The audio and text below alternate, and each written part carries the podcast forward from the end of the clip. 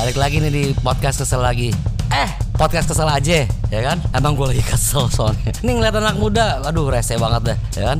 Melempem banget, ngeluh aja, ya? Santai-santai kerjanya. Wah, kalau dibanding sama anak kita dulu, ya ampun capek deh kerjanya waktu itu. Ya, ini pun jadinya boleh bilang sekarang nggak keren-keren amat. Tapi ini ini dia nih yang anehnya. Setiap generasi selalu bilang begini. Babe gue juga bilang begitu mengenai gue. Eh, gue lebih keren daripada babe gue. Nah, jadi itulah boleh dibilang sekarang anak-anak muda yang sekarang nih ya, jangan boleh kasih kecil hati dulu lo pada. Sekarang boleh lu jelek, eh? tapi lu gak, gak bakal lama musisinya jelek. Apalagi juga lu mungkin jadi eh, cakep sendiri. Apalagi mungkin aja selama ini kita kagak bisa ngerubah apa-apa, giliran lu deh nih yang melempem-melempem malah bisa ngerubah. Eh? Lu jangan pada lupa, lu biar jelek-jelek itu paling gagah. Indonesia tuh kalau perang sendiri, ya kan? Eh? Kalau susah juga sendiri, kalau seneng sendiri aja.